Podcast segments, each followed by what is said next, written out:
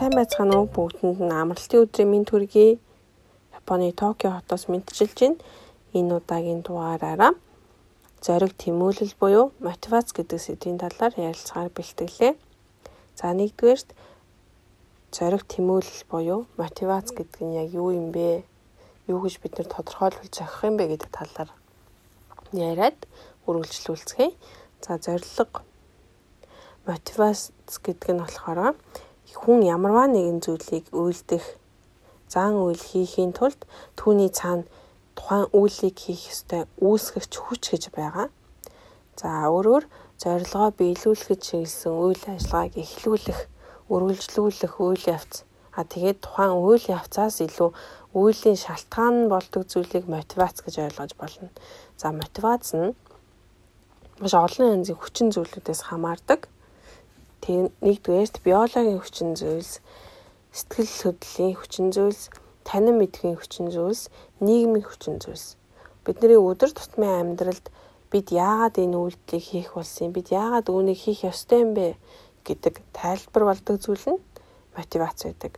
Тэгэхээр мотивац гэхлээр магадгүй та сонсогч маань сонсогч та ямар нэгэн хичээл хийхийн тулд ч юм уу ямарваа нэг юм шинээр эхлүүлж сурахын тулд үүсэж байгаа хүсэл тэмүүлэл зоригийг мотивац гэж нэрлэдэг гэж боддог байсан бол үгүй юм а яагаад гэхээр бидний биологийн физиологийн хувьд хийж байгаа зан үйлүүд хүртэл мотивацид суйрлагдчихийдэг цаана тэмүүлэл байдаг гэж үздэг. За биологийн мотивац, сэтгэл хөдлөл, биологитой холбоотой хүчин зүйлдээр тулгуурлсан онлууд байдаг. За 1920-ад оны оны хүртэл сэтгэл судлалд ихээхэн нөлөө бүхий байсан онлуудын нэг зүүн совингийн онл гэж байгаа. За энэ нь болохоор бид хүн төрлөختөн болвол хүн төрлөختнөөс гадна амьд биетүүд, амьтад болон хүмүүс нь төрөлхийн гэсэн өөрсдийн зүүн совинтай байдгаа. Тэгээд тухайн зүүн совингийнхаа ачаар зүүн совиндоо хөтлөгдөж зан үйлийг үйлддэг. Тэр нь бидний мотивац болдог гэсэн үзэл баримтлал байгаа.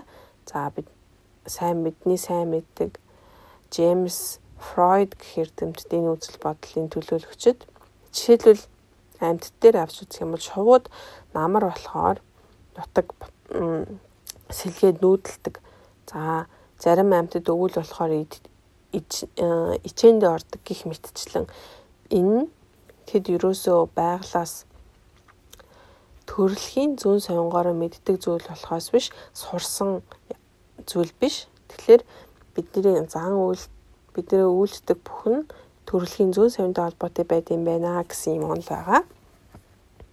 За тэгээд бас нэг томоохон байр суурийг эзэлдэг онол нь болохоор жолоодлын онол гэж байгаа. За энэ жолоодлын онол нь болохоор саяны хэлсэн биологийн хүчин зүйлүүдтэй их холбоотой. Юу гэхлээр биднэрт амьд амтан болгонд физиологийн хэрэгцээ бий бий болдог байдаг. За тэгээд тэдгэрийг гүйцэлдүүлэхийн тулд бид нар мотивацлагддаг гэсэн онол байгаа. Өөрөөр хэлэх юм бол хангагдаагүй хэрэгцээнээс үүссэн дотоод хурцмал байдлыг багасгахыг хүсэж идэг. За үүний тулд бид нэр мотивацлагдсан байна гэсэн байгаа. Жишээлбэл үн дээр одоо юуг тайл ямар жишээг авч үзэж болох вэ гэхээр бид нэр биологийн физиологийн хувьд аюулгүй байхын тулд бид уус суух хэрэгтэй. Бид нар хоол хүмүүс идэх хэрэгтэй гэх мэтчлэн бид нар амьсгалах хэрэгтэй. Үүнтэй холбоотойгоор хоолдог. Тэгэхээр энэ хэрэгцээнд суурилсан зан үйл байгаа шүү дээ, тийм. Хэрэгцээ гэдэг бол мотивацийн үндэс юм байна гэдэг ийм ойлголт байгаа. За энэ дээр тэгэхээр хэрэгцээ гэдэг үг гарч ирэхээр хамгийн ойлгоход амар онол бол Абрахам Масловын онол байгаа. За өмнөх подкаст дээрч бас ярьсан. Хүнд таван төрлийн хэрэгцээ байд юм аа гэд нэгдүгээрт физиологийн хэрэгцээ, хоёрдугаарт аюулгүй байдлын хэрэгцээ, гуравдугаарт нийгэмшиг хэрэгцээ, дөрөвдүгээрт хүлээн зөвшөөрөх хэрэгцээ, тавдугаарт өөрийгөө илэрхийлэх хэрэгцээ. Тэгэхээр эхний физиологийн хэрэгцээ болон аюулгүй байх хэрэгцээ, нийгэмч хэрэгцээ гэдэг нь бол бага төвшний хэрэгцээ гэж үздэг. За эдгээрийг зохицуулахын тулд энэ хэрэгцээнүүдийг хангахын тулд бид нэр мотивацлагддаг гэдэг онол нь болохоор жолоодлогын онол буюу хэрэгцээний онол гэдэг онол байгаа. За түүнээс гадна хүмүүлгийн онол бол мөн сэрэл мэдрэхүйн онолууд гэж байгаа. За сэрэл мэдрэхүй гэхлээр энэ бол нөгөө бэлгийн үйл ажиллагаатай холбоотой сэрэл гэсэн үг биш. Сэрж мэдрэхүй гэдэг үгтэй холбоотой гэдэг утгаар нь хүлээж аваарай. За сэрэл мэдрэхүй гэдэг нь болохоор чухал өө бидний одоо чухал үйлдэх ёстой зан үүнийг хийх ёстой гэсэн зан үйлийн сонголтууд байгаа штэ. Тэдгээр үйлийг ихсгэх үү эсвэл багасгах уу гэдгийг шийдвэрлэхэд нөлөө үзүүлдэг. Хүн бол болгон өөр өөрийн гэсэн сэрэл мэдрэмжийн төвшөнтэй. Тэгээд тэдгээрийн тэнцвэртэй байдал нь үр дүнд зориг зан үйлийн үр дүнд нөлөөлдөг юм а гэсэн юм онлын ойлголт байгаа.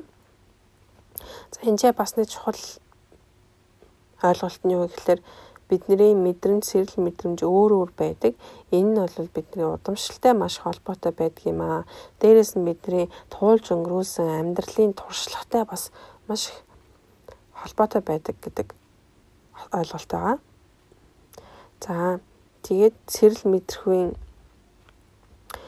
мэдрэмж нь өндөр хүмүүс байж болно, бага хүмүүс байж болно. Тухайн байдлаасаа болоод тухайн хүний онцлогоос хамаарат мотивац нь өөр өөр байдаг юм а гэсэн юм онлын санаанууд байт юм байна. За тэгээд мотивац гэдэг нь өөрөө ер нь бас дотроо юм элементтэй, үе шаттай байдаг гэж үздэг.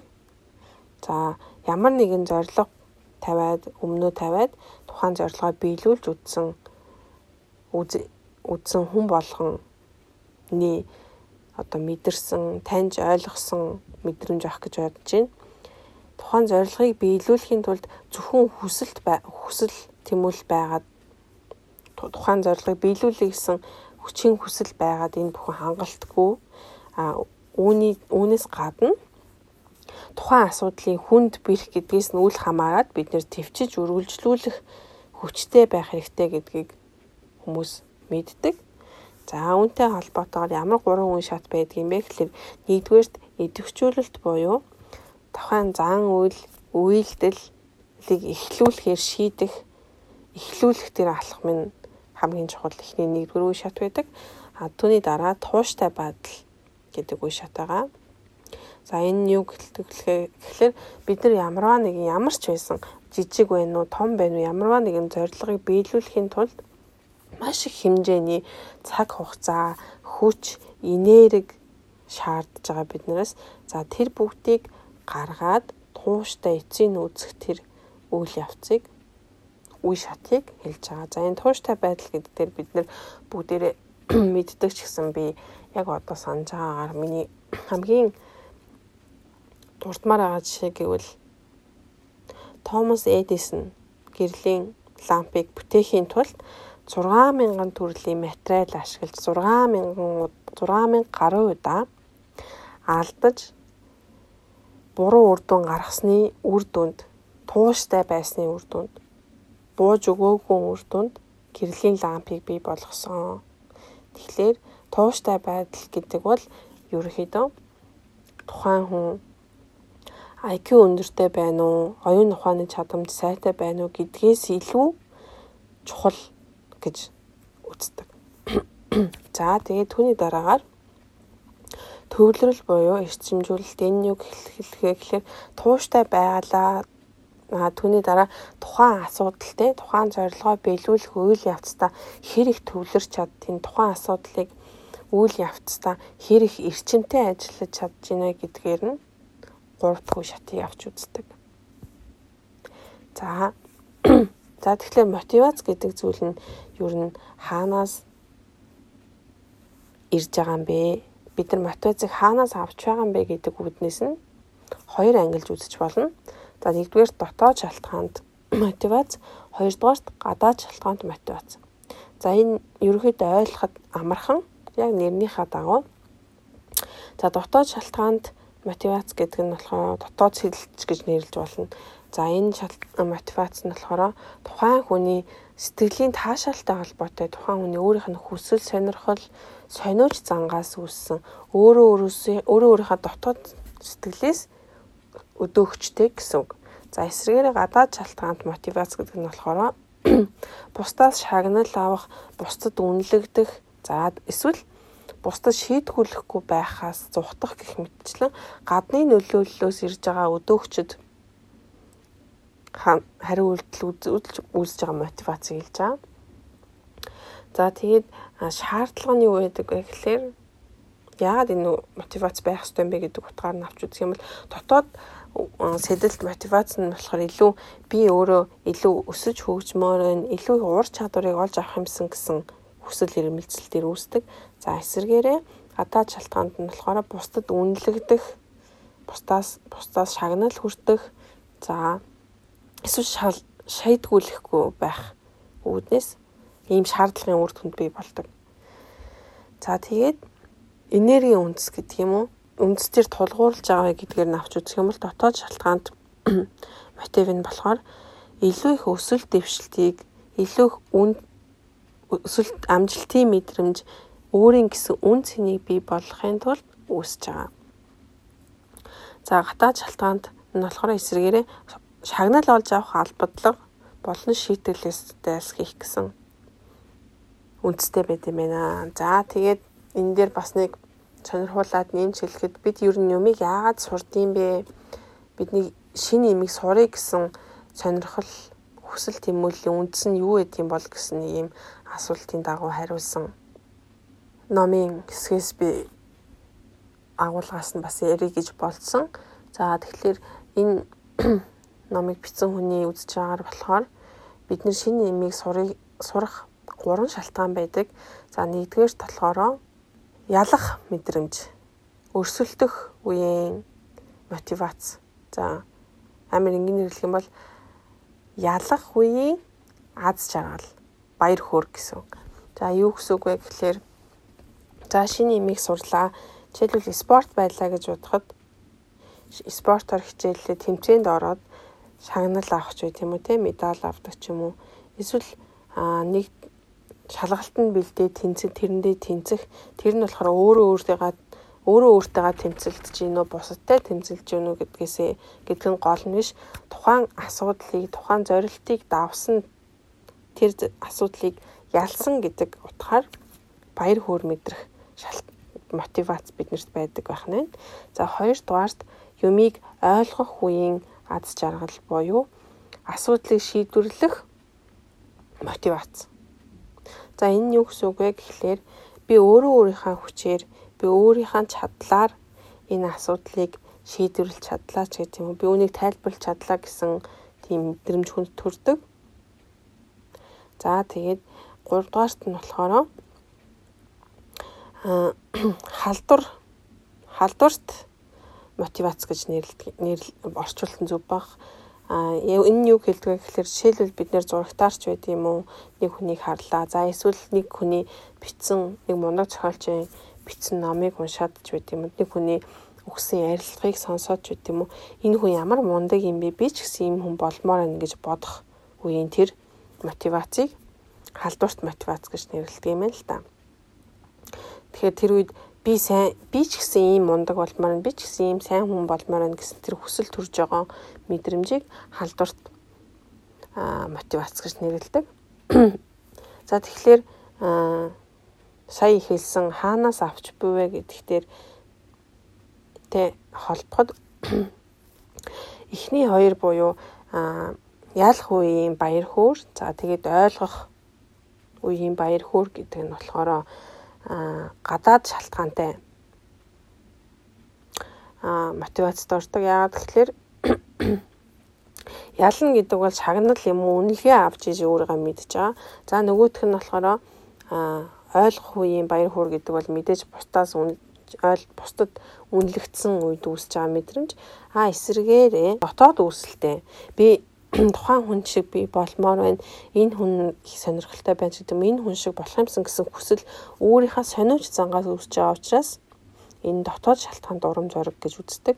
За тэгээд гадаад сэдэлтэй мотивац нь бол тухайн үр дүн яг өгс тэр мөчөд А өгсөний дараа хэсэг хорон байдаг тийм баяр хөөр байдаг бол эсэргээрээ халдварт халдварладаг мотив буюу энэ дотоод шалтгаанд мотивац нь бол урт хугацааны дунд урт хугацааны үр дүнд үргэлжилдэг урт хугацаанд бий болдог тэр үйлдэл хийж байгаа агшин бүр өөрөө баяр хөөр байдаг учраас илүү үр дүнтэй, илүү хүнд аз жаргалыг мэдрүүлдэг гэж үздэг юм байна.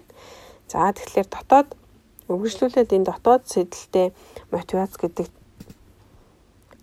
сэдв донд элементүүд байдаг. Дотоод сэдэлт мотивацийг үүсгэж байгаа бүрэлдэхүүн хэсгүүд байдаг. За нэгдүгээр юу яа гэхээр оюуны сониуч зан. Өөрөөр хэлбэл шин мэдлэг мэдээлэл олж авах хүсэл эрмэлзэл, хүсэл тэмүүллийг хилдэг. За үүнийг бас дотор нь хоёр ангилж авч үзэж болно. За нэгдүгээрт онцгой хүсэл тэмүүлэл буюу тодорхой сэдвийн хүрээнд шин мэдээлэл мэдлэгийг олж авах гэсэн хүсэл. Жишээлбэл би сэтгэл судлалыг сонирхдаг учраас энэ сэдвийн хүрээнд илүү их мэдээлэл мэдлэгийг олохын тулд сэтгэл зүйн факультет суралцсан байх жишээтэй. Гэх мэтчлэн тухайн сэдвийн хүрээнд тодорхой сэдвийн хүрээнд л шинэ мэдээлэл олох тэр хүслийг илэрхийлж байгаа. За сарнимал буюу хоёр дахь төрөл нь болохоор яг тийм тодорхой зориггүй ч гэсэн өргөн хүрээний мэдээлэл олох хүсэл хэрэмэлзлийг хэлж байгаа. За би өөрийнхөө жишээнд хэлэх юм бол би а сэтгэл судлал дундаа нейро сэтгэл судлал тарих ангаахын чиглэлүүд бас их сонирхолтой. Гэхдээ надад жишээлбэл би а анагаах сонирхолтой гэд би эмч болох надад тодорхой зорилго байхгүй би тэгж боддгоо. А гэхдээ энэ өөрийнхөө сонирхлын хүрээнд би амгаахтай холбоотой ном унших сэтгүүл цуглуулгач байд юм уу. За ангаахын холбогдлолтой олон ангит кино үзэх гэх мэтчлэн сонирхолтой байдаг. За тэнгууд энэ бол оюуны сониуч зан чанар гэдэг элементэд орж байгаамаа.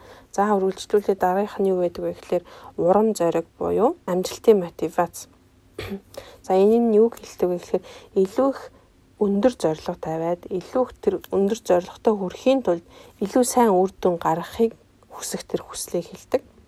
За тэгээд илүү сайн үр дүн гаргахын тулд би ямар үйлдэлүүдийг хийх вэ гэдэг төсөөлөх, тооцоолох процессыг урам зориг гэж нэрлэдэг. Өөрөөр хэлбэл амжилтын мотивац.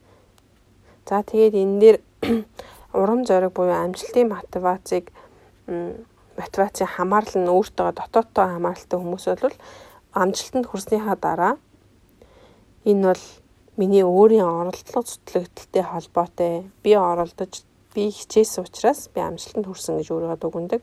А эсвэргээрээ урам зориг нь гадаад хамааралтай хүмүүс болохоор асуудлыг шийдвэрлэж чадаагүй ч юм уу андуурсан амжилтанд хүрээгүй үедээ өөрийнхөө буруу биш энэ асуудал нь хүнд байсан хитрхи хэцүү байсан гадаад нөхцөл рүү асуудлыг чиглүүлдэг байна.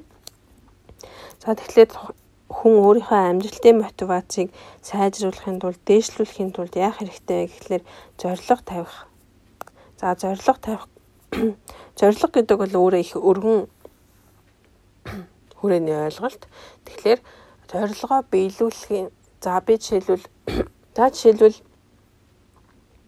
12 сар шинэ жилийн өмнө би 10 кг хассан бай гэдэг ч юм уу тийм зорилго тавих юм бол энэ бол аюу ерөнхий болчихж байгаа штэ.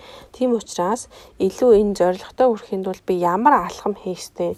Би өдөрт хэдэн килограмм а хэдэн литр ус ууя? Би өдөрт хэдэн километр алхахыг? Би өдөрт тэр хэмжээний хүнсний ногоо хэрэглэе. Би тийм их жимс хэрэглэж гэдэг юм уу.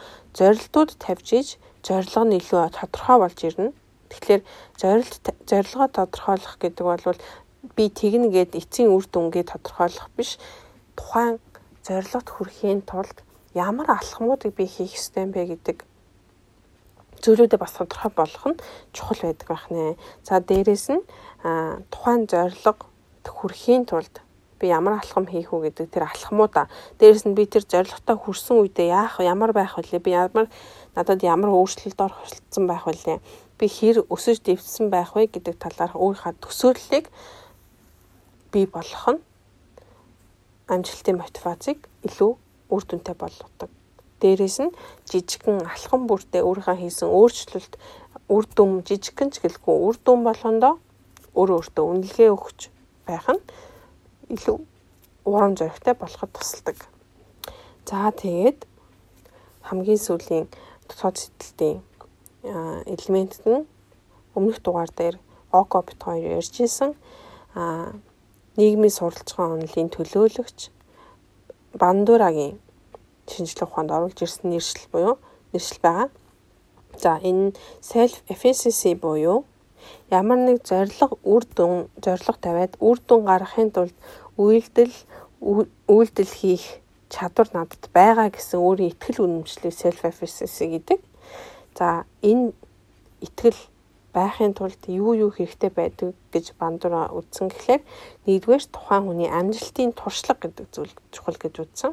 За хоёрдугаарт моделинг буюу өөрөө амжилтын туршлагагүй байлаа ч гэсэн өөр амжилтанд хүрсэн хин нэгнийг өөрийнхөө модель болгож чадж гинэ үгүй юу гэдэг нь тухайн хүний өөрийнхөө өөрийн ихтгэлд чухал нөлөө үзүүлдэг.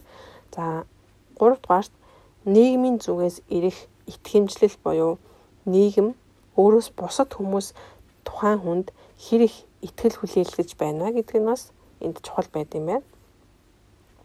За хамгийн сүүлд нь физиологийн анхаарал буюу тухайн хүн хичнээн амжилтын туршлагатай байгаад бусдаас жишээ үлгэр дуурайл аваад өөрт нь итгэж байсан ч гэсэн тухайн хүн зорилгын үр дүнд хүрэх үйлдэлдээ хэр их анхаарал хандуулж чадж байна гэдэг нь чухал байдаг гэж үзсэн байна.